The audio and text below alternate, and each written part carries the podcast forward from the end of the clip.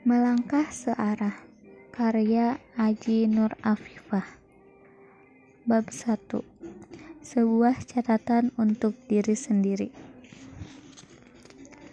Setelah menikah, tak seperti di novel-novel percintaan yang pernah kubaca, jatuh cinta ternyata tak setiap hari terjadi.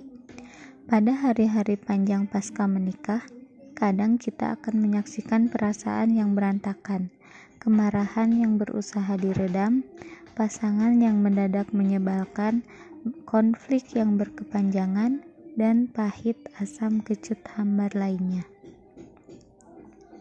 Sebelum menikah, mungkin yang berkelebat di bayangan adalah kita akan memiliki tempat membagi semuanya dan mendapati teman hidup yang asyik untuk bercerita segala hal. Setelah menikah, kita mendapati hal-hal seperti ini ternyata meleset dari bayangan. Ada hari ketika cerita ini tak memiliki pendengarnya, komunikasi yang berjalan kurang lancar, jarak yang mengekang, waktu sore yang dihabiskan sendiri menunggu si dia pulang, dan celetukan darinya yang menyinggung perasaan.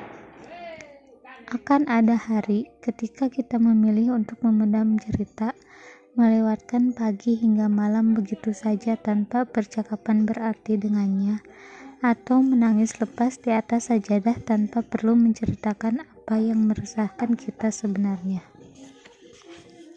Mungkin tak sedikit yang berada di luar ekspektasi kita selama ini, tentang keadaan, pasangan, berumah tangga, keluarga besar, dan banyak hal. Tidak apa-apa, kamu tidak sendiri. Dalam setiap fase baru, pasti ada ujian-ujian baru. Selayaknya naik kelas, ujiannya pun akan lebih susah. Seperti kita masuk sekolah baru dari SD ke SMP atau SMP ke SMA.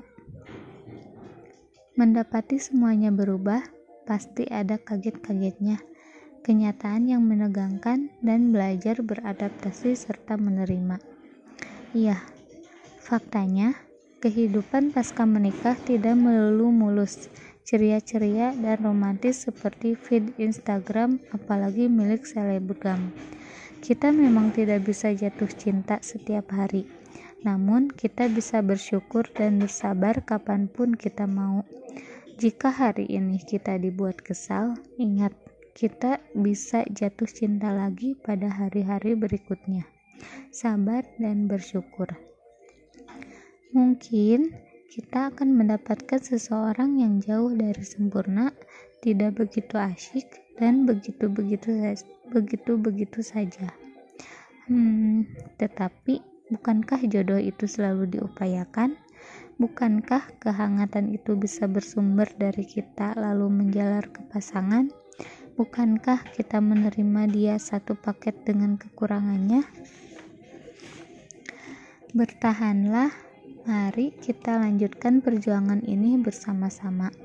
Ini bukan soal beruntung atau tidaknya kita mendapatkan dia sebagai pasangan, melainkan soal bersyukur atau tidaknya kita mendapatkannya sebagai teman hidup.